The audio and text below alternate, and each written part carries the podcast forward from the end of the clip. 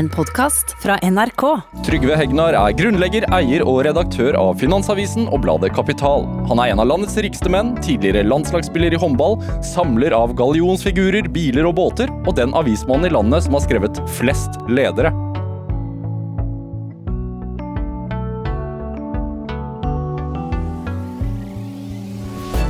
Dette er Drivkraft med Vegard Larsen i NRK P2. Trygve Hegnar, hjertelig velkommen hit til Drivkraft. Takk skal du ha. Hvordan har du det, som man spør? Nei, jeg har det stort sett bra. Ja.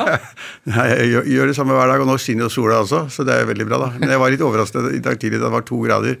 Måtte gå inn og hente skjerfet. Da tenkte jeg plutselig at vinteren var der igjen. Ja, den er litt sånn skiftende. To, to grader er ikke akkurat det jeg ønsker nå, da. Nei, men hvordan er en, altså Nå sitter du jo her i et NRK-studio, du, du gjør ikke det til vanlig. altså Hvordan er en typisk dag for Trygve Hegnar? Når, når står du opp? Jeg står opp uh, halv seks-seks Hver dag? hver dag. Ja. Og, Av deg selv, eller ringer? Altså, Nei, ikke, ikke noe ringeklokke eller noen ting foreløpig. Og også søndager stort sett, for jeg da liker å gå på jobben søndag og skrive ledere til mandag. Det, er, det høres, høres ikke veldig smart ut, men det gjør jeg. Så det er det samme hver dag. Står opp, og så leser jeg aviser. Hvor mange aviser? Nei, Hjemme så leser jeg da tre, tre aviser, altså det viktigste Finansavisen og Aftenposten og Dagens Næringsliv. Og så ser jeg på noen nettaviser, og noen, og så løper jeg til kontoret. Og så da jeg kom på kontoret, så ligger det da fem-seks nye aviser. Og så tar jeg de avisene. Da har jeg vært igjennom en sånn rundt nærmest åtte-ni papiraviser og et par eh, nettaviser, og så da er dagen startet. Hva, hva får du ut av disse avisene? Ja, Det synes jeg det er et godt spørsmål. Det har jeg stilt meg sammen mange ganger. Men jeg for klarer ikke å la være. da. Jeg er avismann, og jeg liker papiraviser. Eh, og så får jeg et generelt inntrykk av altså, hva som har skjedd i samfunnet, det som jeg ikke har fått med meg på nyhetssendingen dagen før.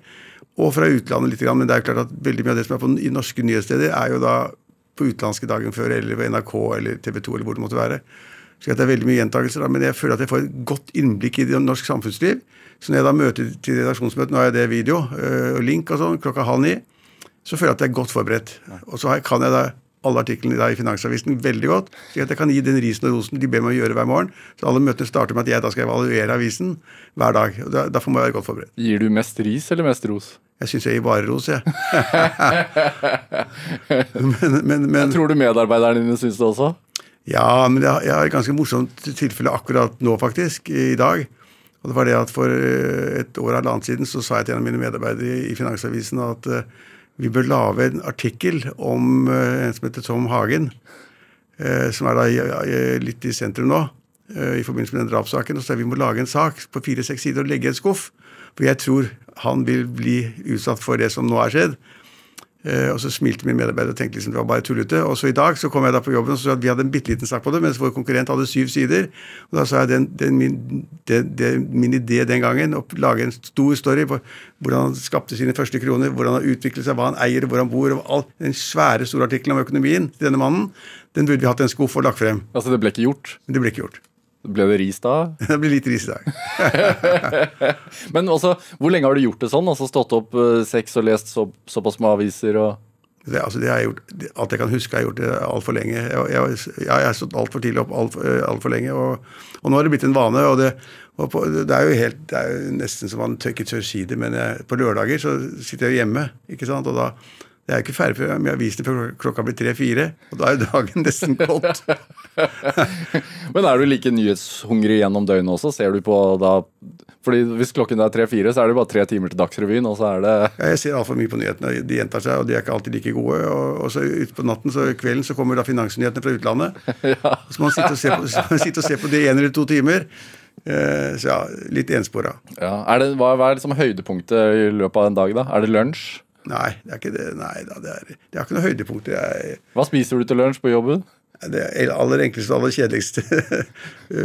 før hadde vi jo da ganske store lunsjer med, med, med selvbetjening og fat og alt men det har vi ikke nå. Nå får vi servert en liten eh, lunsj på en tallerken. Og så er det veldig få folk på kontoret. De fleste har jo hjemmekontor. Ja. Så det var jo masse folk før, og nå er det bare altså, Av mine 40 journalister så er det bare tre-fire av oss som er på kontoret. Alle de andre er hjemme. ja merker man det i avisen, eller? Altså, jeg trodde vi ville merke det, men jeg, det ser ut som det er omtrent det samme. Det ser, altså, så er det alltid noen som da på morgenmøter skal vise frem ungene sine og ha det helt oppi skjermen og sånn. Så det er jo et annet liv når folk har én eller to unger og skal skrive hjemme. Og kanskje en ektefelle også, som da ja, Det er litt komplisert, men jeg syns avisene er like gode, men det er ikke jeg som skal evaluere. Nei. Har du øh, medfølelse med de som må være hjemme med, med barna, og som ikke kan gå på kontoret, sånn som du kan? Nei, altså Jeg tror de fleste som ordner seg hjemme, og det er, at de ordner seg ganske bra, de har det ganske bra. Eh, men det var jo en av kollegaene våre her forleden som jeg skrev om, som jobber i Vårt Land, som da sa at hun uh, i en måned hadde bodd på ett rom med unger og mann, og syntes det var kjempefint. Det tror jeg ikke noe på, altså. Nei, men altså Trygve Hegnar, det, det slår meg jo da at du er et rutinemenneske. Ja. Hvorfor er rutiner fint for deg? For at jeg har masse jeg skal gjøre. og Jeg på en måte leder redaksjonene mine, og jeg leder selskapet, og jeg skal være tilgjengelig og svare på spørsmål. Jeg, så jeg, da, da, må jeg få unna det viktigste hele tiden på en riktig måte. Og jeg blir helt gæren hvis jeg ikke liksom jeg kliner jo mailen hver kveld. Ja, du, Det skal være null? Det skal være null, ja. Hvis jeg ikke får til det, så har jeg en dårlig dag. Og eh, jeg orker ikke begynne neste morgen med hele mailen full, så det orker jeg ikke. Så derfor rutiner er å få mailen til null, svare på alt, få det unna, godt eller dårlig, og, og begynne på en ny dag. Går det å tenke på off, nei, nå, nå har, har, jeg, ikke fått tømt uh, e-postboksen? Ja, kan, kan, det liksom tære? Ja, I dag så hadde jeg noen ganske svære melder fra i går, for jeg skal ha et sånt styremøte i Hurtigruten klokka halv fem. Og Da hadde jeg ikke forberedt meg godt nok, så da gikk jeg på kontoret. Da begynte jeg tungt. Rutinen er å få det unna og bli ferdig med det. Ja, ja. Eh, som jeg sa innledningsvis her, altså eh, Du er den i landet, antar jeg, altså dette er jo ikke noe forskning, men den avismannen i landet som har skrevet flest ledere. Er det feil, tror du, det påstår? Nei, Jeg tror det er riktig. Jeg har jo skrevet, jeg har heller ikke sjekket i andre aviser og andre redaksjoner, men jeg, jeg har jo skrevet uh, litt over 10 000 ledere. da. Det er ganske mange. Det er ganske, så det er hver dag? Så det er hver dag. I avisen så er det hver dag unntatt én dag. da. Vi jo ikke, har ikke avis på søndag. Men så er det også da ledere og kommentarer i Kapital. Så summen av det så har jeg liksom skrevet over 10 000 ledere, og det, det, er jo ganske mye. Det tror jeg ikke ingen andre har gjort. Og det skyldes jo ikke at jeg er så sabla flink, men det er at jeg har holdt på så veldig lenge. Jeg har jo vært redaktør i Kapital siden 71. Ja. 71 er veldig lenge siden. Og, og, så kom avisen på begynnelsen av 90-tallet. og det, Hvis jeg skal skrive hver dag som jeg gjør, så er det blitt 10 000. Men Har det hendt at du måtte melde pass? Nei. Det, Barnefødsel, nei, sykdom, nei, melder ikke pass? Det, det, er noen ganger jeg har tenkt at er det mulig at jeg skal sitte her søndag formiddag og skrive til mandag, eller at jeg får skrive fra torsdag til fredag? Det egentlig burde gjøre noe annet. Det er jo også, det er også om sommerferien. Jeg sitter på hytta på Sørlandet. Og Da må jeg opp om morgenen og skrive leder til avisen neste dag. Så det er jo av og til tenker jeg at det kunne være deilig å bare stå ved brygga og fiske. Bare kjøre, bare kjøre båt. Eller ikke, og også måtte være redaktør, da. Ja, men du er sjefen, du kunne jo delegert det. Kunne gjort det, men jeg føler at for det første, jeg syns det er rå, altså råspennende. Det er spennende. Samfunnsspørsmål og økonomi er jo utrolig spennende. Og så føler jeg et ansvar for å gjøre det. Jeg føler at staben føler at jeg skal gjøre det. Uh, og, og, og, nå er det, Teknologien er så spennende, det skjer så mye nytt. og det at Nå har vi jo vårt system på, på nettet, nettavisen, altså Finansavisen på nettet. Og nå vet vi hvis noen tegner abonnement. Det er helt utrolig utvikling fra min start som journalist og redaktør. da. Ja. Så nå vet vi hvilken artikkel han leste før han tegnet.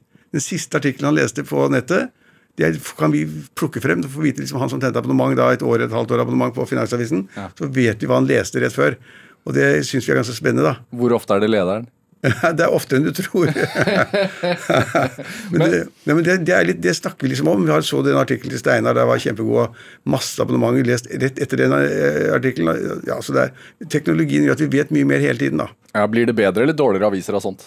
Jeg tror det blir bedre, altså. Ja. Jeg tror det blir bedre. Vi vet mer, og så kutter vi ut det unødvendige, det som er for dårlig. og Vi skifter jo overskrifter underveis. Jeg vet ikke hva NRK gjør, men altså vi skifter jo overskrifter i løpet av dagen. og Skifter storyen og kjører opp og ned. Det blir nok bedre etter hvert, altså. Men det er litt kynisk. Men Hegnar, 10 000 ledere, hvordan eh, bestemmer du deg for hva du skal skrive om? Altså, fordi du leverer vel altså Når er deadline? Nei, Deadline er jo sånn ettermiddagen sånn seks-syv-tiden og sånn, men jeg leverer alltid først omtrent. fordi at jeg tenker på det om kvelden. Ja. Hva som opptar meg, hva, jeg, hva, hva, som er sagt og hva som er gjort. og Noe jeg kan lære av, hva jeg kan fortelle om. Og så finner jeg alt jeg har av fakta om det og, om kvelden og om morgenen. Og så setter jeg meg til, Når redaksjonsmøtet er ferdig, så begynner jeg å skrive med en gang. Og ofte så skriver jeg da før redaksjonsmøtet også, slik at jeg da stort sett alltid er ferdig med lederne ja, sånn ved 10-11-tiden. Og det sier folk er litt teit av meg, for av og til så skjer det ting etter 10-11 også. Ja. Så jeg er ikke helt a jour, og det skjer av og til. Og, og Forandrer du lederen da? Veldig sjelden. Jeg orker ikke. Nei. Nei. Nei. Kan heller rette det opp i morgendagens leder? Nei, jeg, jeg er ikke noe særlig god til det. Jeg føler liksom ferdig med den, så er jeg ferdig med den. liksom. Og Det skjer noen ganger da hvor man er liksom litt off da, fordi man ikke har fått med seg det som skjedde klokka halv fem. Og det bryr deg ikke om det? Nei. Nei. Så, nei? Nei, jeg gjør ikke det. Men, eh, men, men, men, det, det er en, prosess hvor man tenker på hva som er viktig, og hva kunne man tenke seg å skrive om. Ja. Og det får jeg ved å høre på nyhetene, se på nyhetene, høre på debatten i NRK, hva som helst. Og så går jeg og tygger på det, og så legger jeg meg, så tygger jeg på det om morgenen, og så finner jeg frem alle fakta jeg kan skaffe, og så skriver jeg. Diskuterer du med andre, eller er det bare Ikke i det hele tatt. Nei. nei? Burde man sikkert gjøre, bli klokere av det, men det gjør jeg ikke. nei. Det har jeg ikke tid til. Blir ikke lei av å mene, da? Ja, det er et nøkkelspørsmål til meg, faktisk. Det det, det, at jeg burde sikkert bli der, men jeg er ikke det ennå. Og jeg, er, men jeg, og jeg er ganske gammel, så nei, jeg syns det er gøy. Jeg syns det er debatten å skrive om den nye eh, oljefondsjefen i dag, og dagen før det var det kanskje landbruksspørsmål. og det, det er så masse spørsmål i samfunnet, og eh, ja, ja. Nei, jeg er ikke lei av det. Hvor kommer det behovet fra, tror du? At du alltid har noe på hjertet? Jeg, vet, jeg, jeg skjønner at det høres litt teit ut for lytterne å høre at du liksom skriver 10 000 ledere, og så alltid har noe på hjertet. det, det, det blir også en rutine. og så er Mitt tilgang av informasjon er større enn de fleste. Det er veldig få andre mennesker som leser som leser åtte-ni papiraviser før klokka er åtte om morgenen. Ja. Det er veldig få, så Jeg får tilgang på informasjon og kommentarer og leser alle kollegaene mine og følger opp og ser hva de sier og mener. og Jeg syns det er viktig. Så jeg er veldig farer over alle, andre kommentatorer, alle ledere, og ser liksom hva, hva opptar dem, og hva sier de, og hvor er mangelen i kunnskapene, og hva kan jeg tilføre. Og så skriver jeg det ned. Ja. Og da har jeg først et, et sånn Hva er hovedpoenget mitt? Og så har jeg sånn startsak som er litt historikk og kunnskap. Og så blir det mer og mer meninger, og så er det bank på slutten. Er det noen andre norske aviskommentatorer som du leser jevnlig, som du føler at du lærer noe av? Nei, kanskje ikke så veldig mye det, men eh, jeg var, altså det, det som er litt kjedelig med norske aviser og redaktører og sånt, det er det at det er jo veldig få redaktører som da skriver med under navn. De fleste er jo da Skriver under leder. ja, de, de har jo redaktørkolleger, så er det tre-fire-fem stykker som veksler på. og Ja. Skriver, så, så man vet ikke hvem som har skrevet det. Så jeg syns at de, mange avisledere er blitt ganske kjedelige etter hvert. da. Ja. Er det, altså, jeg, Jeg liker lederen i Klassekampen, for de er liksom mer, det er mer fight. ja, altså, Og det var Bjørgby Brånen som skrev de før. Ja. Og han var veldig bevisst, og han hadde en mening og ideologi. Og så er det en kvinnelig redaktør som har overtatt. Og, og de er ganske harde. Å gå på sak og sånn, det liker jeg. ja. Så selv om dere er uenige, så Ja, det spiller ingen rolle. Nei, nei. Eh, jeg tenker, Når du har skrevet over 10 000 ledere, er det Får man venner eller fiender av sånt? Nei, jeg tror jeg får flest fiender. Hvis man skriver noe som provoserer veldig mange, så irriterer folk seg lenge. Og nå går det også igjen på sosiale medier, ikke sant? hvor de da begynner å argumentere mot det jeg har skrevet på de sosiale medier. Hvor jeg aldri kan få, frem helt hva jeg har skrevet, for det er jo bare fragmenter eller setninger av hva jeg har skrevet som kommer frem. Nei, jeg får, får ganske mye fiender. altså... Det er ikke flere fiender enn venner, men det, men det er jo, journalistikkens er jo, vesen er jo slik at hvis du skriver noe eller eller vi har et morsomt program her, eller noen lytter, lytter på det og syns det er bra, så er det noen som sier at det var veldig gøy å høre på eller gøy å lese, og takknemlig for den kommentaren. Så det kommer den type kommentarer hele tiden, men ikke hver dag. Men det, men det er stimulanse man får utenfra. Man får ros. Og, men jeg, mitt, mitt inntrykk er at det er de som, de som sier mest, det er de som er sure og grinte og ikke likte det man sa. Ja. Er det Men du, liker du det litt? At de blir litt Jeg, syns det er bare gøy. Altså, jeg, jeg, jeg, jeg, er på det området så Jeg syns at enhver god debatt og motstand er veldig bra. ja. eh, I disse dager, i koronatidene, så, så har du jo skrevet en del om det. Ja, det har jeg også skrevet mye om. Eh, og, jeg tenker når jeg har deg altså, Du er jo en mann som har opplevd eh, økonomiske kriser før. eh, og klart deg bra personlig. Eh, hva, hva tenker du om det vi er oppe i nå? Nei, Det tenker jeg er helt forferdelig, og det er mye verre enn folk tror. Altså det, det gjøres veldig mye som vi ser på statistikk og vi ser på nyhetssendinger. og NRK sender jo tre-fire-fem timer etter hverandre osv. Forteller hvordan det skjer i andre land, og hvor mange som er smittet, hvor mange som er innlagt, og hvor mange som dør, og mange som ligger i respirator. eh, Og om, om det berømte tallet R er under én, og blir det færre som er smittet osv. osv. Veldig mange av oss følger veldig godt med. Men vi har ikke skjønt de økonomiske konsekvensene av den der lockdownen, som vi kaller det. Som vi ser bilder av fra Paris eller fra Roma eller fra, fra London eller hvor det måtte være. Hvor det er liksom helt tomt for biler, og ingen fly går. Verdens fly står alt på bakken. Eh, SAS nå måtte jo kutte 5000 medarbeidere. ja, og, og, og Norwegian har- har jo da permittert 7300 eller noe sånt. Men altså, lockdownen, altså, som er så brutal i verden over, det betyr en sånn kraftig brems på økonomi og vekst og BNP-vekst og alt det som økonomene snakker om. Men det er mye verre, enn folk tror. Jo, vi går jo mot massearbeidsledighet i veldig mange land hvor det er 10-15-20% arbeidsledige. Og I andre land så er det en katastrofe. I Norge er det ikke den katastrofen. Vi har et ganske godt utviklet velferdssystem med permitteringsordning hvor folk alle får liksom rundt 60% av det de tjente før. Så vi har liksom en minimums inntekt osv. Men det, det vi står foran nå, det er så katastrofalt for arbeidsplasser og folk, og enda verre i de der landene som er de fattigste. Så det er en katastrofe av dimensjoner, og, og, det skjønner man også da internasjonalt. og Derfor har man begynt å slippe litt opp. ikke sant? Litt opp i Italia, litt opp i England, litt opp i Frankrike, men bare bitte lite grann. Og, og, når vi kommer inn i 2021 og 2022, så er det krise internasjonalt økonomisk, men tror jeg. Krise. Worst case scenario, hva, hva tenker du? Nei, Da tenker jeg meg det at vi får arbeidsledighet i veldig mange sentrale land på 15-20% og så har de da ennå ikke fått i gang liksom kultur eller idrett eller hva det måtte være. Og vi vil fremdeles se at flyene ikke går, landene nekter fly å komme inn, og man får ikke fly ut. Og hvis man beveger seg over landegrensen, får man karantene. Så den der nedfrysningen vi har sett, som sikkert har vært riktig, og jeg er ikke, ikke lege, ikke, ikke medisiner, men økonom, eh, den, den, har vært riktig for å få da den der pandemien ned. Men de økonomiske konsekvensene av det er så store at, at tapene for samfunnet det har vi ikke fått frem ennå. Og så er det at man, det er forbudt i debatten. Man får ikke lov til å begynne å diskutere avveiende liksom, hvor mange flere døde, og hva betyr det i forhold til arbeids, arbeid, altså mange som er sysselsatt, og mm. tapt vekst og alt dette her. Det får man ikke lov til å snakke om. for det er, ikke, det er ikke særlig pent. Men det kommer et tidspunkt i løpet av et år eller annet hvor man er nødt til å ta hardere valg og si at vi kan ikke fryse ned hele verden. fordi at det går over en, det blir depresjon, som i 1929 til 30-årene, og det kan vi ikke ha. Hva skjer da, hvis, hvis det skjer? Ja, Da blir det sosial uro og masse, masse bråk, rett og slett. Landet, ja, samfunnet kan ikke tåle det at 20% ikke har jobb og ikke har inntekter. Og at det er sånne suppe, suppekjøkken liksom på, i, midt i sentrum av New York eller London. Og, altså, folk har ikke noe særlig glad for det. Og mange steder har vi det allerede fordi at inntektene faller bort. Og de faller bort og enda verre i de land som har minst fra før. Så det er en katastrofe. Jeg tror, men altså jeg håper at jeg kanskje tar feil, da. Jeg, jeg tror det at det, det vi står foran når det gjelder økonomi, er veldig alvorlig. Og så er det veldig alvorlig med pandemien også. Så da får man etter hvert få et ganske vanskelig valg. Men, men hvis man har ja, hva, hva, burde man gjøre, da?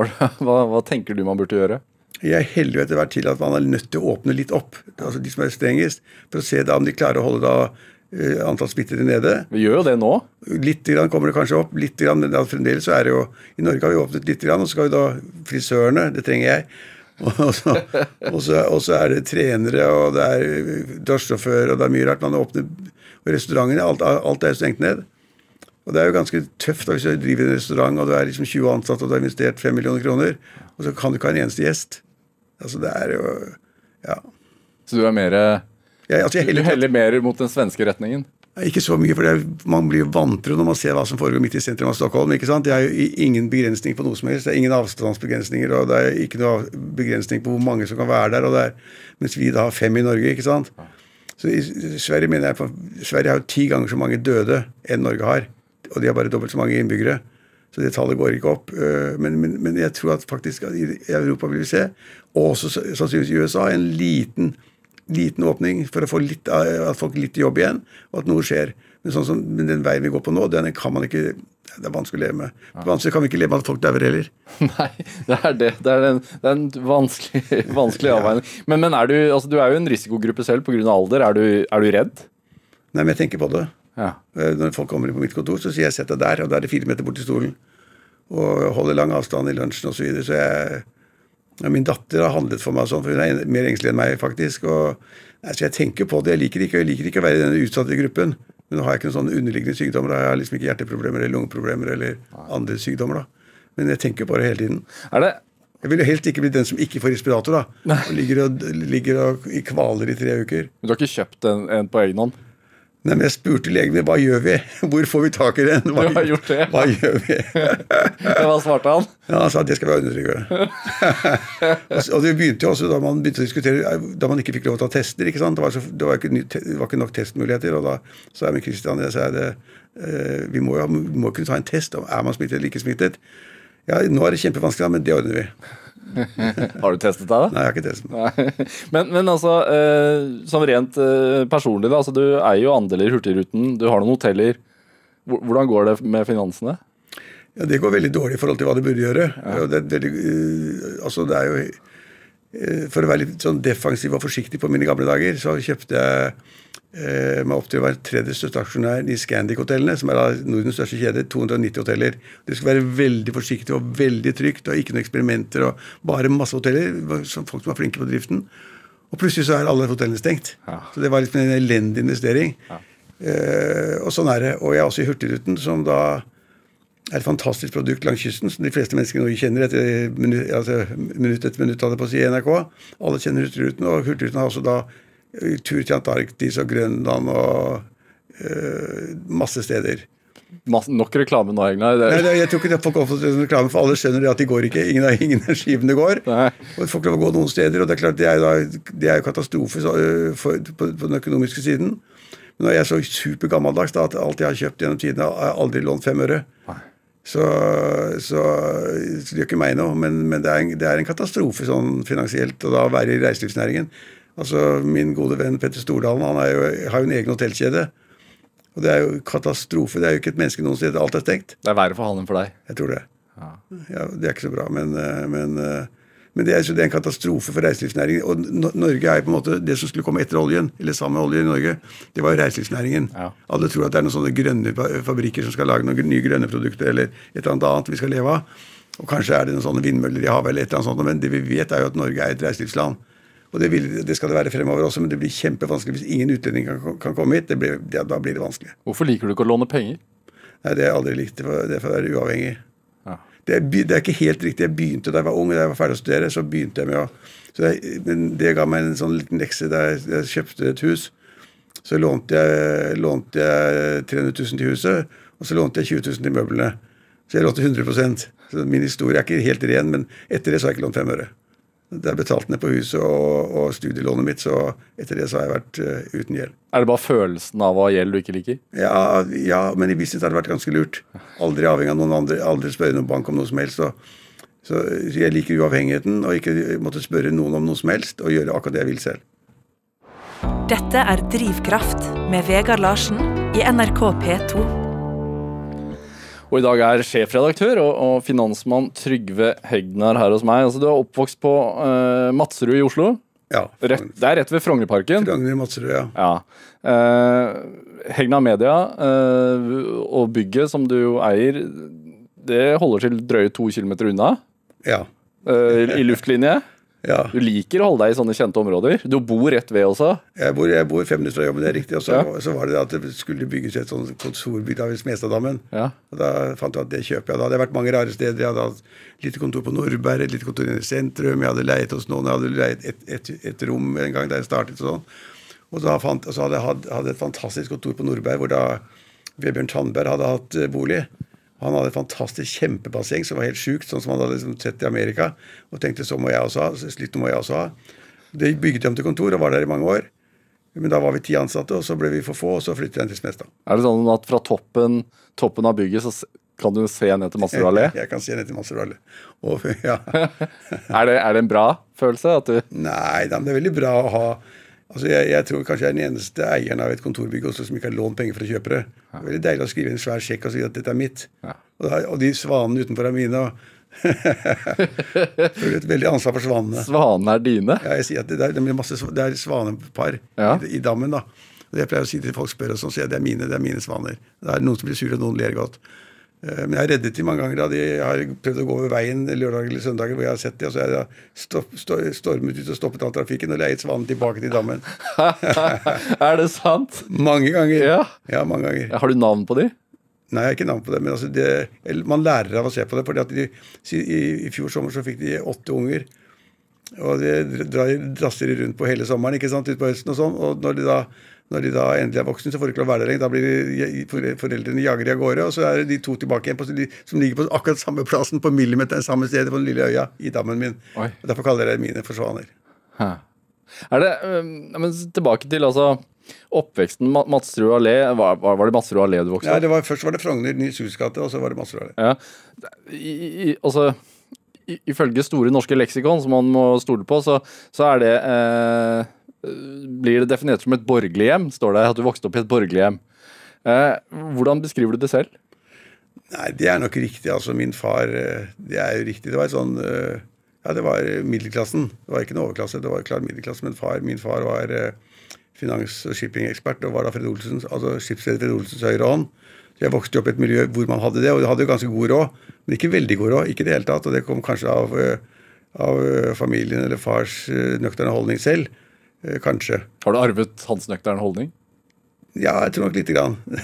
Hva er arv og hva er miljø? Det er ikke sikkert. Men jeg tror det henger litt sammen. Også, men det var et middelklassemiljø, og vi, vi, hadde hytte på fjellet, og vi hadde hytte på sjøen. Og, sjøen og, men ikke noe luksus. Ikke noe mye penger. Ble retningen staket ut for deg, føler du? Nei, det, nei egentlig ikke.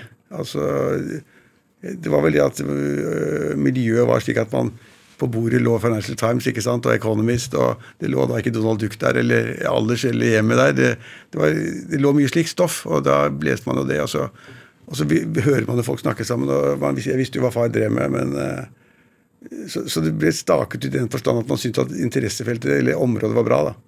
Ja, du, Men du fattet tidlig interesse for de magasinene også, eller? Ja, jeg syns det. Ja. Så når da? Husker du første gang du leste Financial Times? liksom? Nei, jeg tok det opp og leste det og sånn. og og, nei, men jeg fikk nok ganske tidlig interesse for det. Jeg tror det henger ofte sammen med at folk altså, advokatene, Barn til advokater blir ofte altså, de blir advokater, de også. ikke sant, Og leger blir Det, det henger sammen med miljøet veldig mye. Noe er og mye miljø.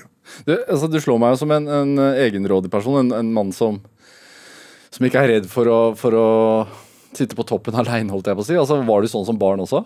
Trengte du folk nær, nær deg, eller var du en ensom ulv? Mm, ja, det er et godt spørsmål. Jeg var vel kanskje mer ensom, men jeg var jo Jeg gjorde jo mye rart som, som leder for andre, så jeg har jo alltid ledet andre. Men, eh, men jeg, jeg, liker å være meg selv, da. Ja.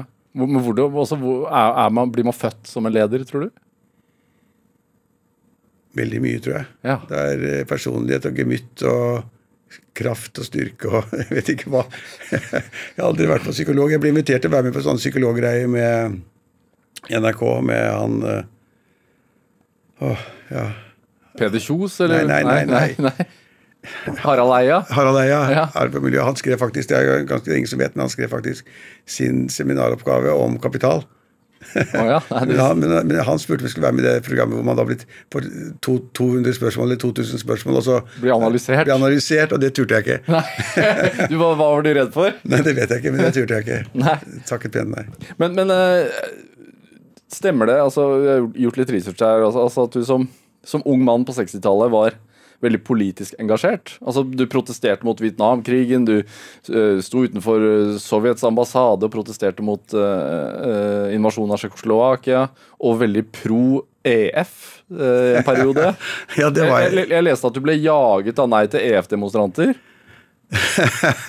ja, Det er en morsom episode, for det var, det var et sånt arrangement da mot EF da, ja. på Rådhusplassen mot, på sjøsiden. Ja. Og Da var det 8000 mennesker som da sto der og skrek nei til EF eller nei til ja, Og da tenkte jeg at det var litt irriterende at det var liksom så mange mot null. Så da hadde jeg laget et banner hvor det sto 'Ja til EF', og så snek jeg meg inn i rådhusbygget og så gjennom den svære salen i første etasje og ut på verandaen på sjøsiden, og så rullet ut banneret mitt, og da var det 8000 og skreik og hylte. Og så kom de løpende fra alle kanter, og så måtte jeg løpe gjennom rådhusbygget og opp på Karl Johan og redde meg unna mobben. men var det mest for å provosere, eller var det engasjement? Ja, det, var, nei, det var et engasjement, men jeg syns jo det var gøy å provosere også, da. Ja. Hvor kommer dette ja, det vet jeg Dette ikke. fra? Det vet jeg ikke. Men det var jo veldig morsomt å vite da at det skulle være kanskje 5000-8000 mennesker som da demonstrerte da mot EF, og kunne rulle ut et banner foran dem som alle måtte se opp og se det, og der sto det ja. ja. Det, det, det syntes jeg var ganske morsomt, men det var ikke noe viktig. Og jeg løp som bare rakkeren for å slippe unna de som skulle ta meg. De kom jo fra alle kanter. Eh, men, men, altså, er det men, men, var du en politisk engasjert nei, mann? Nei, altså jeg var, jeg var veldig samfunnsengasjert. Men jeg var ikke politisk engasjert i noe parti eller noe sånt. Da. Det, det var jeg ikke. Nei. Eh, jeg var litt i, litt i Høyre en bitte liten periode. Og av en eller annen mystisk grunn så valgte de meg til å være redaktør eller medredaktør i et blad som het jeg husker ikke om det var 1635 eller et eller annet sånt noe. Og Det første jeg gjorde på første gangen jeg hadde ansvaret for redaksjonen, det var da på forsiden og da å lage et bilde av tre-fire mennesker som var hengt oppi et tre. Det var da, Hvorfor det? Ja, det, det var da, det var, de var faktisk hengt da i Øst-Europa. Ja.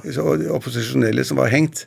Og Det syntes jeg det var, det var første gang bladet hadde annet enn bilde av Stranger og høyretopper og Hambro på forsiden. Så da fikk de et, et politisk bilde på forsiden, og da ble jeg kasta. Det varte kort. ett et nummer. Men også var det en overlagt handling fra din side? Ja, egentlig. Ja, Nå får dere våkne litt? Jeg syns det var deilig å demonstrere litt og be de å våkne, ja. Ja. Men hvor, hvor kommer Altså fordi du også i, i dag også, så, som erfaren, erfaren avismann, så liker du jo å provosere. Ja, jeg gjør det. Jeg syns det blir litt morsommere da, faktisk. Altså, også fag blir morsommere hvis man da provoserer litt og tar litt ut- utrerte standpunkter. Men det bør jo være stort sett riktig, da. Man må ikke skrive feil eller skrive mot bedre viten. Eller, altså. Men jeg liker å provosere litt. Og hvis jeg, hvis jeg skal skrive 10 000 ledere, og det jeg har gjort, og legge på noen tusen til, så må jeg liksom provosere litt i miljøer eller enkeltpersoner eller ting. Det, det blir morsommere da. Jeg kan jo ikke skrive sånn fagavhandling på lederplass. Det kan jeg ikke gjøre. Hvorfor har du den følelsen i deg at, at din mening er viktig? Jeg skjønner jo det at den ikke er så viktig hele tiden. Men det, men det, det, det har å gjøre. Altså Senest i går Dette er jo direkteprogram. ikke sant? Senest i går ja, det var, så jeg på, debatten, nei, på Dagsnytt 18. Ja. Og Da var det spørsmål om Kiwi, som da hadde hatt for mye rabatter og drev priskrig i dagligvaremarkedet. Og Da var det en journalist som da skulle være opp opposisjon til Kiwi. da. Og Da ble jeg så irritert på, den, med kollegaen journalisten som var der. Som jeg, mente tok helt gærne standpunkter ikke sant? og gal innfallsvinkel. da. Det er lov å mene noe annet enn meg, altså bevares. Men innfallsvinkelen var feil. Da tenkte jeg der skal jeg satt meg ned og skrevet på et sekund. skulle jeg skrevet en leder da. Men da var lederen levert. Men da var lederen levert. Det, kunne ikke, Det var ikke noe å gjøre med. Nei, da ble det, da ble det oljefondsjefen. Ja. Og i morgen er det for sent. Det er nye inntrykk i dag. I morgen har jeg levert, da er det Norwegian. Det er Norwegian. Ja, ja, det, det kan heller ikke forandre. Det kan jo forandre, men det, jo, det, det, det, går sin skjeve gang. Ja. Men Hvilket parti vil du si ligger ditt hjerte nærmest, da? Eller er det, er Det vil sånn- jeg ikke si, at, men, men eh, sånn eh, litt tilbakeskuende og sånn, så, så ville det kanskje på en måte vært Venstre. Et liberalt parti, veldig liberalt innen kultur og ja, Også mye nestekjærlighet, da. ja, det er kanskje ikke jeg så god på, men, eh, men, men, men det ville kanskje vært det. Ja. Et sånn fridemokratisk parti. Men, eh, men eh, jeg er ikke der nå. Som avismann så vil du være uavhengig. Ja. Ja. Hvorfor er det viktig? Nei, vi, altså, vi prester må jo være mest mulig uavhengige. Ingen er kanskje helt uavhengig. Men ingen kan fortelle meg hva jeg skal skrive, for jeg er økonomisk helt uavhengig. Jeg kan gi ut akkurat hva jeg vil når jeg vil, i så store opplag jeg bare vil. Jeg kan lage nye publikasjoner, jeg kan lage nye aviser. Og den, det, det å kunne gjøre det, den friheten til å liksom lage et journalistisk produkt, og ikke spørre noen om noe som helst. Og jeg bør ikke spørre en sjef over meg engang. Nei, for du har ikke lån og eier bygget. Ja, Jeg, bygger, jeg kan skrive akkurat hva jeg vil, og jeg, alle, alle ansatte er hos meg og jobber for meg. Så det, det, det, det er jo vanvittig viktig for det. Altså det blir sånn litt frasete med demokrati og frihet og ytringsfrihet osv. Det, det er jo fantastisk viktig. Og hadde vi ikke hatt det, så vet jeg ikke hva jeg skulle gjort. Eh, Så, så det er noe av det viktigste i hele vårt demokrati. Det er ytringsfriheten. Og det at du kan starte dine egne publikasjoner, aviser, blader, eh, nye nettsteder, sosiale medier, si hva du vil. Det er jo en utrolig fin utvikling. Ja. Ja. Kan du bruke det til å, å skrive positive artikler om, om egen bedrift? Nei, det kan jeg ikke gjøre. Det, hvis, jeg, hvis jeg prøvde meg på det, så har jeg da 40 journalister i Finansavisen. Og de ville, de ville jo korsfestet meg eller drept meg hvis jeg gjorde det. Så, ja, men Det er, det er mange som stiller det spørsmålet, men det er klart at det kan jo altså, det, Selvjustisen er jo så grov Ja. og så hard at det sitter 40 godt utdannet alle har universitetseksamen, enten det er økonomer, eller jurister eller statsvidere, og så skulle jeg da skrive det at uh, kjøp Hegnars boller. Eh, det, det, altså, det går jo ikke. det går jo ikke. Så det er, det er en selvjustis som er veldig stor, og så vil jeg, og så vil jeg også bli drept i presseorganisasjonen. Også, så. Ja. Eh, Og derfor, bare for å ha sagt det, Ja. det er ikke alle som vet hvordan presse fungerer, men da så står det da under artikkelen Hvis det er en artikkel som om, om, omhandler Hurtigruten eller Scandic, der, der jeg har store interesser, eh, så står det under at vi gjør oppmerksom på at Trygve Hegnar via sitt selskap sånn, og sånn, eier så og så mye i selskapet. Ja. Hver gang. Så dere kan skrive artikkelen 'Rasende underskudd for, for Scandic'? Absolutt. absolutt. Men, det- og da, men da står det under det at de som gjør oppmerksom på at Trygve Hegnar i 5 Eh, hvor, hvor viktig vil du si at håndball har vært for livet ditt? Veldig viktig. Ja. Eh, For det første så var det det jeg drev med da jeg var ung. Og, og da er vi helt ned på gutte, guttenivå. 11-12 år. Ja, så nedpå der, og Håndballen var for meg dødsviktig. Det var ikke noe særlig eh, morsomt andre steder. Og, og jeg var liksom god i håndball, og jeg spilte håndball. Jeg spilte på guttebylag og juniorbylag og juniorlandslag og A-landslag. Så håndballen var en del av mitt liv hele tiden. Og det var det jeg ønsket å være god i, og det var det jeg ville være sammen med gode venner i. og jeg, det, det er en utrolig tid. Jeg tenker tilbake på det. at Å være da i en idrett som du kan ha gode venner i, og også da være god i det selv. Eh, og kanskje tenkte jeg for mye på å være god hele tiden. Noen sa jeg var ego. Når jeg skåret mye mål, fordi jeg var så ego og sånt. En av mine nærmeste venner sa det. Men, men håndballen har vært utrolig viktig. Og jeg, jeg husker da jeg, da jeg var ferdig med å studere, hadde startet opp Kapital. Det var i 71. Og Da var jeg ganske god, for jeg spilte håndball. Du var på landslaget? Ja, på landslaget. Og jeg spilte også i, i Bundesliga i Tyskland. Og jeg, så jeg var ganske god, for å si, si, det, si det som det er. Men da jeg kom hjem, jeg var ferdig å studere i 68, eh, så, så, ble så gjorde jeg ikke noe særlig. Men jeg spilte litt håndball og spilte også en landskamp eh, der. Men så var OL i 72. Da, katastrofen var jo at jeg da startet Kapital i 71. Og jeg hadde ikke noe penger, så jeg jobbet en natt og dag. Jeg hadde full jobb hele dagen, og så laget jeg Kapital om natta. en god, god lærepenge. Og, og jeg ble dårligere og dårligere i håndball for hver dag som gikk. Så da man skulle ta, jeg, var jo, jo OL-kandidat i 72. Og plutselig, plutselig så hørte jeg aldri noe mer. Det var helt stille. liksom, Jeg, bare, jeg ble dårligere og dårligere, ingen snakket med meg. og brevene fra forbundet kom ikke lenger, og det var ikke noen samlinger og sånn. Og Da skjønte jeg at jeg kom til å miste OL i 72, og det, det syns jeg var ganske bittert den gangen. Men alle mine håndballvenner og andre sier at det var veldig bra at du valgte kapital, og ikke håndballen. Magasinet tok kreftene?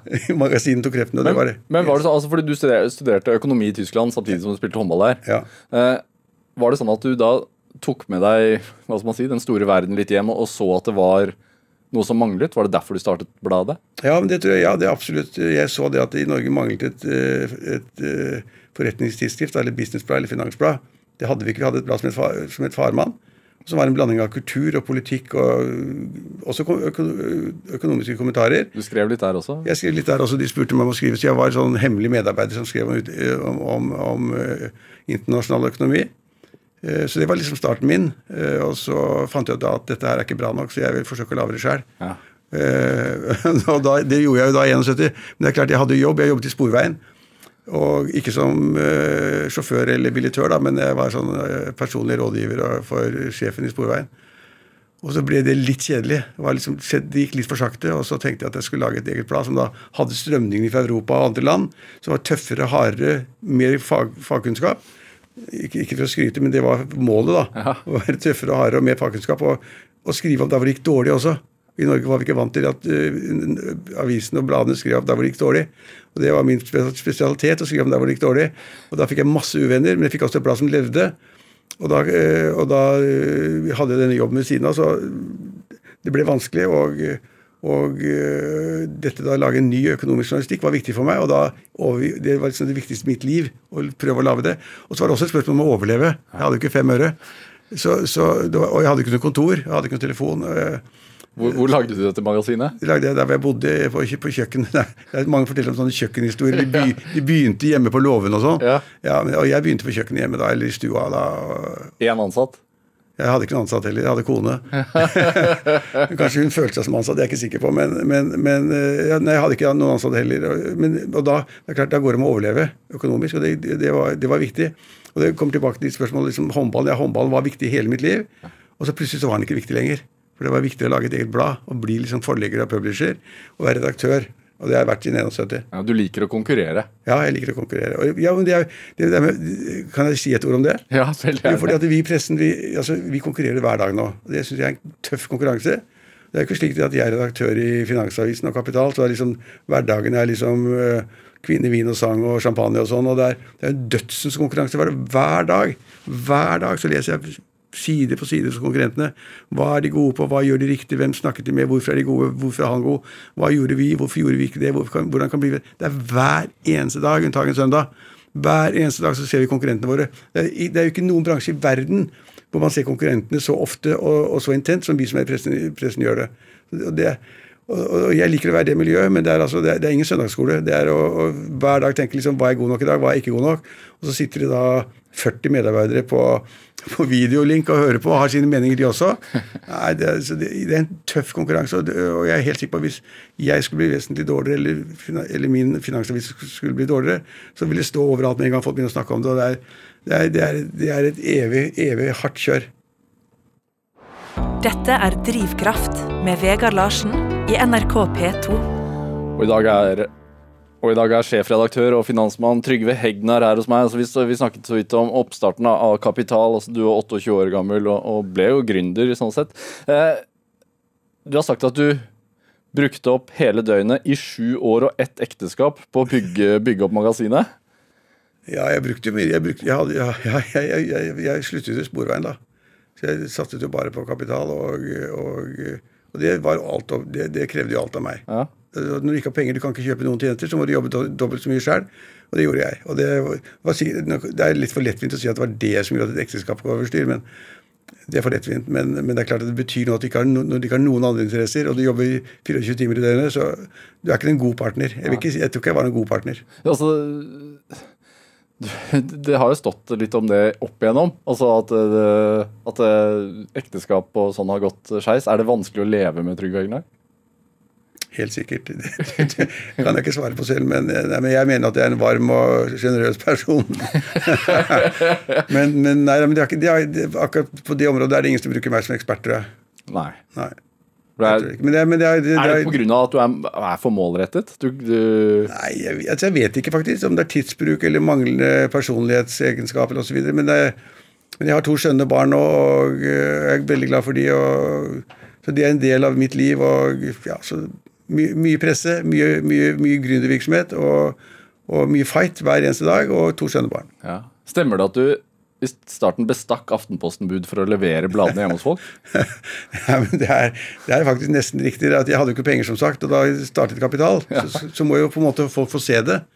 Og du, du, får ikke abonnenter uten at folk ser det. Men jeg hadde ikke noe penger til å da sende det med posten eller med biltjeneste eller budtjeneste. eller sånt. noe. Så det jeg gjorde da, var å kjørte opp til Gressbanen i Oslo. Det var liksom Reddyland.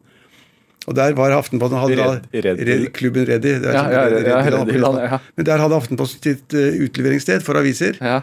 Og da kjørte jeg dit, eller kom jeg dit til gressbanen, og så stakk jeg budene med ti kroner for å ta med seg en svær bunke med, med kapital som de la i postkassene til Aftenposten-abonnenter. Veldig billig og veldig effektivt. Og fikk ordet ut? Fikk ordet ut. Fikk til, da, til riktige lesere? I, I de riktige strøkene. I Holmenkollen Gressbanen, uh, Røa, Ullern osv. Så, så fikk jeg det ut på en meget effektiv måte, og det kostet meg ti kroner til hvert bud. og det, det var veldig godt. Så det var, det var, en strategi bak det hele? Det var en tanke bak det. Er, er du en strateg? Ja. Ja. Det tror jeg. kan man kanskje ikke si det. Nei, Hvorfor kan man ikke?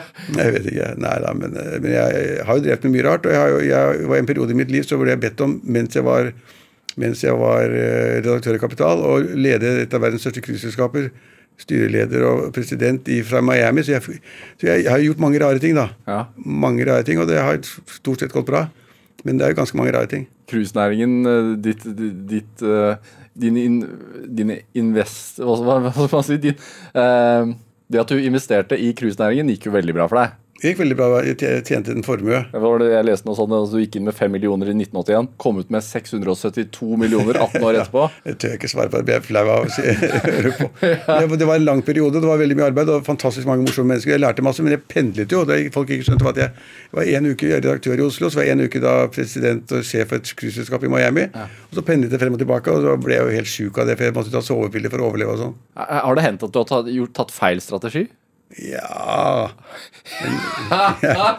Jo, men jeg, sitter langt inne og innrømmer Nei, nei, nei, nei fordi at uh, Nei, men hva er strategi? Altså, Da jeg begynte å jobbe etter, etter økonomistudiene, så begynte jeg som forsker i staten på Transportøkonomisk institutt. hadde jeg aldri planlagt. Skrevet en bok om det også? har jeg ja, lest? Nei, ikke om det, men jeg skrev en bok. Ja, om, om temaet, ja. ja. Bytrafikk, håp eller kaos ja.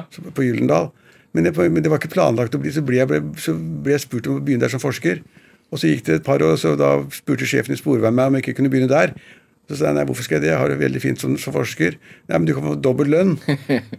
da, og da var, da var det strategivalg å gå for dobbel lønn. Og da jeg var i Sporveien, så var det litt kjedelig for meg. Så fant jeg at da kunne jeg bli forlegger og utgiver av et blad. Fordi at den ideen om å lage et nytt økonomisk blad var så sterk i meg. Og det fikk jeg gjort. Så det er visse sånne strategiske valg, men det har vært også litt noen tilfeldigheter. Hvordan ser du på pressens fremtid, da?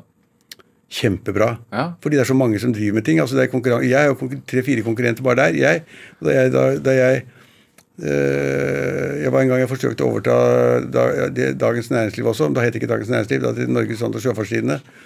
Og det kjøpte jeg jo 13-14% av selskapet for 1 million. Men så var alle imot meg. så det, Alle næringsledere og redere og alle mulige var imot det. Så de sa det må ikke selge aksjene til Trygve Egnar. Må ikke selge aksjene til Trygve Egnar. Hvorfor det? Nei, ja, de mente at Man kunne ikke i Norge eie både en avis og et blad på samme område. Det var tullete greier, altså. Så jeg fightet mot den kompakte vegg. og så Da solgte jeg den posten min, da, den som jeg hadde kjøpt for 1 million. 13-14 Den solgte jeg til Jens, Jens B. Heyerdahl, som var sjef i Orkla for 26, så da følte jeg meg ganske god allikevel. da.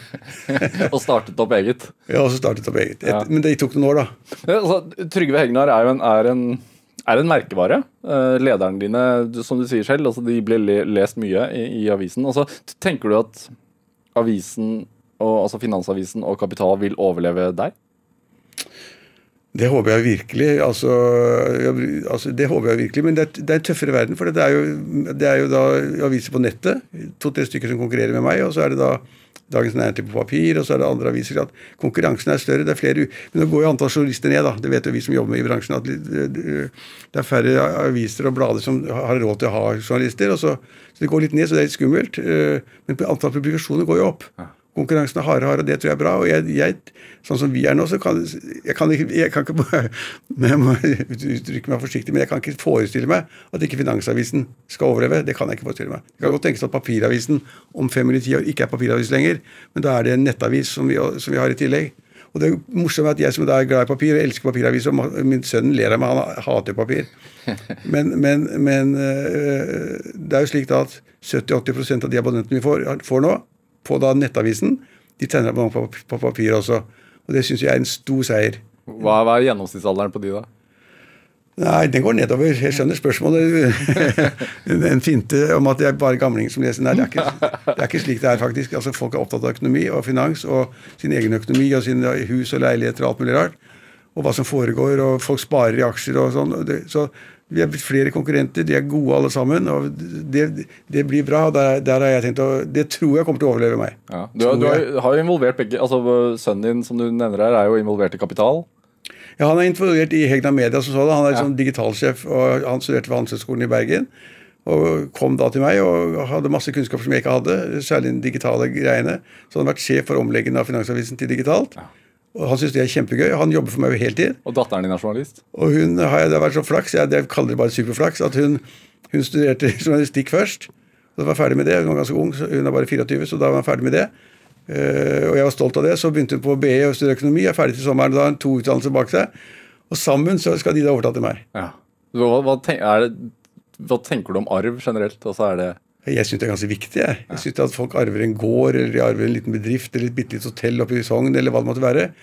Så er det ikke noe verre. Det er kanskje litt rarere for noen, men at noen da litt på en måte går inn i en, en mediebedrift og går videre, det er ikke så rart.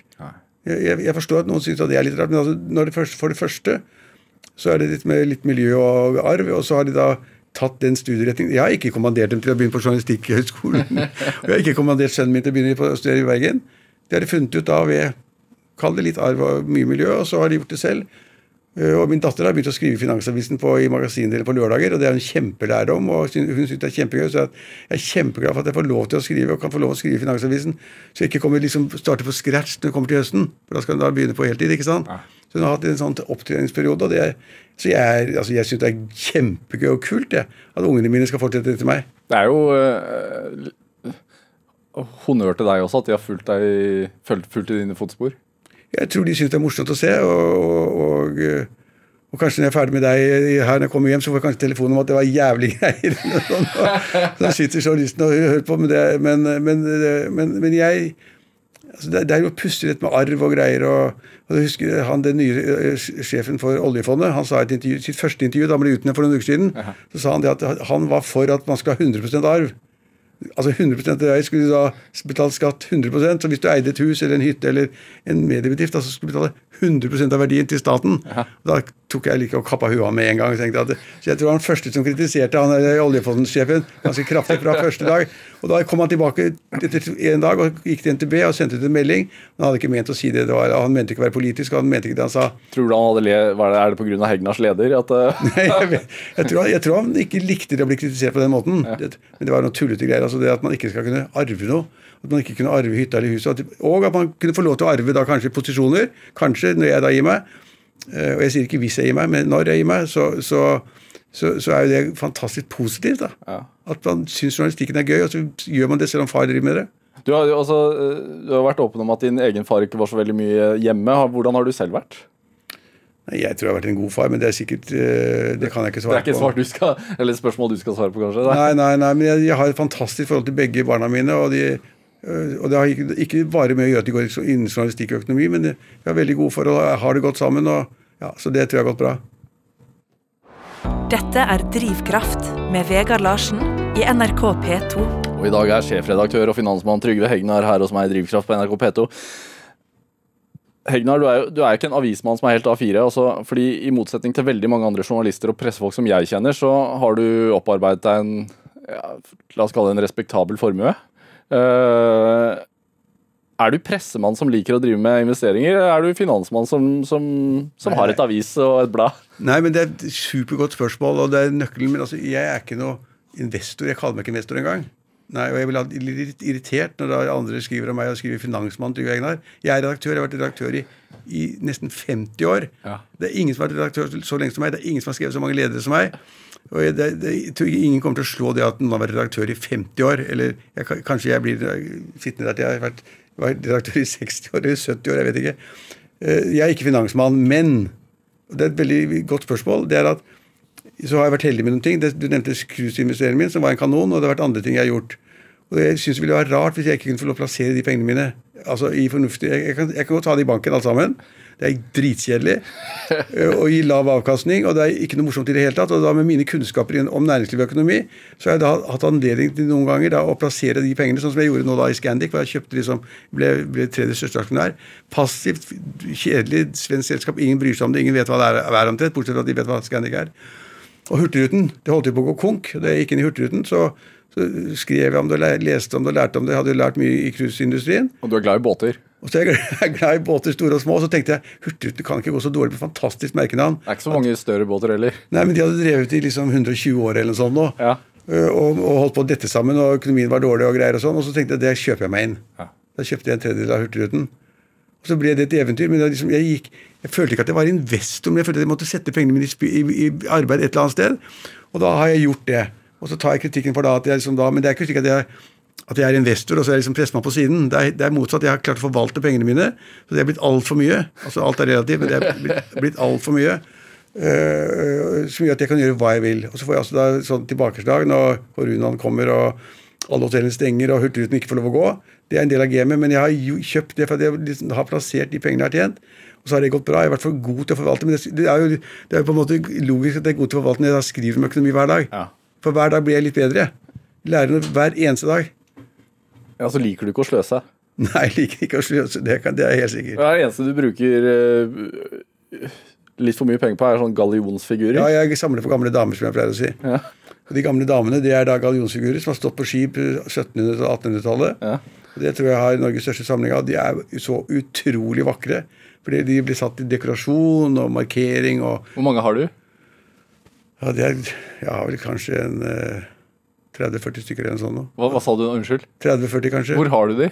Ja, jeg har de hjemme, jeg har de på kontor, jeg har de på hytta, jeg har de, på, jeg har de overalt. Hva Jeg har de på, betaler jeg, har, jeg, har, de på et hotell ute i Aske som jeg eier. Og jeg syns det er bare så utrolig vakkert. Hva betaler du for disse? Ja, det kan man betale. Jeg har betalt en, en kjøpte jeg nyøkt på en auksjon. Det kostet meg masse penger. De andre har jeg kjøpt sånn opp gjennom årene. Men jeg synes, altså Bare ta på dem. Jeg går og klapper på dem, jeg ser på dem. Og, og de har stått på baugen på en sånn der seilskute. ikke sant? Og Det er bare utrolige greier. Og på, jeg har noen sånn marinefartøy hvor det har stått på en marine, et marinefartøy også der. Nei, det har jeg samlet på. Øh, og så samler jeg litt på kunst også i tillegg. Så er, jeg, har det, jeg har det ganske morsomt. Du har vært til sjøs selv også, som Ja, ja. 15-åring. Ja, 15 år. Da var jeg på en Fred Olsen-båt i Middelhavet. Det var fantastisk. ja. Ja, hva lærte du der? nei, nå vet jeg ikke jeg lærte der. Jeg, nei, jeg gjorde ikke så særlig spennende. Jeg var, jeg var dekksgutt, som det het. Det var å, å vaske og male og ta lempe av uh, luken osv. Hvis, hvis du sikter til noe sånt spesielt hva jeg lærte der første gang, så, så så nesten jeg vet hva du tenker på. Ja, hva tenker jeg på? For Da husker jeg godt, jeg var jo ung, jeg var, jeg var, jeg var ikke i det hele tatt sånn. Jeg var dekksgutt om bord på denne båten, og da vi kom til uh, visse havner i Pireus, var det faktisk, husker jeg godt, så vi la til der og sånn, og så da skulle hele, hele mannskapet skulle på horhus. Jeg skjønte ikke, visste ikke hva horhus var engang. Så de tvang meg med til å være med på horhus, og ikke da uh, ha et seksuell omgang med noen. Men jeg satt i en lang gang på en stol og ventet på at gutta var ferdig. Så gikk vi om bord igjen, da syntes alle syntes det var så gøy etter han der dekksgutten, da, Dekken. Som var så var ung og uerfaren, ikke skjønte noen ting. Og mest traumatisk, kanskje? ja, det var en ganske rar opplevelse, faktisk. Ja. Men, men altså eh, Jeg, tenker at øh, Angående finansmiljøet som dere dekker, altså det er få i landet som kjenner det miljøet bedre enn deg. altså Syns du fremdeles at det er et spennende miljø å følge med på? Ja, for det kommer nye ting. ikke sant? Det er nye, nye, nye tech-ting, det er nye gründermiljøer, det er eh, ting som ikke var i min tid. Så det kommer nye selskaper og mennesker hele tiden. Og jeg synes det er hver eneste dag så synes jeg det er spennende. Lærer å lese mine egne avisartikler og andres. øh, Så jeg syns at altså, næringslivet næringsliv, som sådan og det som foregår der, og aktørene Og det at vi krasjlander et flyselskap altså Alle har reist med Norwegian. Alle, altså Her i bygget NRK har reist med Norwegian. Alle har en forhold til det. og Plutselig så ser man at selskapet går, går over ende hvis de ikke får liksom 3 eller 4 milliarder kroner av staten. Og det, alle, alle flyene som er på bakken, de har normalt 150 fly som går. Nå flyr det syv. og på et eller annet tidspunkt hvor jeg kritisert, eh, kritiserte, så- så bestilte de 222 fly. Katastrofe. Og sånne ting skjer jo hele tiden, og det er jo utrolig spennende, da. Hvor bør man, hvor bør man putte Putte pengene sine nå, da? Uh, under madrassen. Under madrassen? ja. Nå er det så skumle tider med koronaen og greier at ja. det, det er skummelt farlig. Folk kommer til å få dårligere råd, kommer til å bruke mindre penger, mindre, færre ferier, færre utenlandsreiser. Det er fælt å si det i et sånt program, liksom såpass negativt, men, men penga du har i madrassen Ja. Hva, hva vil du si er drivkraften din? Altså Jeg, jeg syns det er utrolig gøy å være journalist og redaktør. Det jeg driver med hver dag, å være redaktør i mitt blad og snakke og min avis og snakke med da medarbeiderne der. Og så vil jeg gjerne fullføre noe. Jeg vil gjerne gjøre det godt. Jeg vil, være, jeg vil vinne. Jeg vil altså vinne den fighten om opplag og lesere hver eneste dag. Så det er en konkurranse hver eneste dag. Og er du heldig, så har du det gøy. Har det fantastisk gøy i hverdagen. Og I tillegg så tjener du ganske mye penger. Må du bæres ut som redaktør, tror du? Jeg tror det. ja. Trygve Egnar, du, tusen takk for at du kom hit til Drivkraft. Bare hyggelig å være her. Produsent i dag var eh, Kjartan Aarsand. Eh, Jeg heter Vegard Larsen. Dette var dagens Drivkraft. Vi er tilbake i morgen. Ha det bra. Du har hørt en podkast fra NRK. Hør flere podkaster og din NRK-kanal i appen NRK Radio.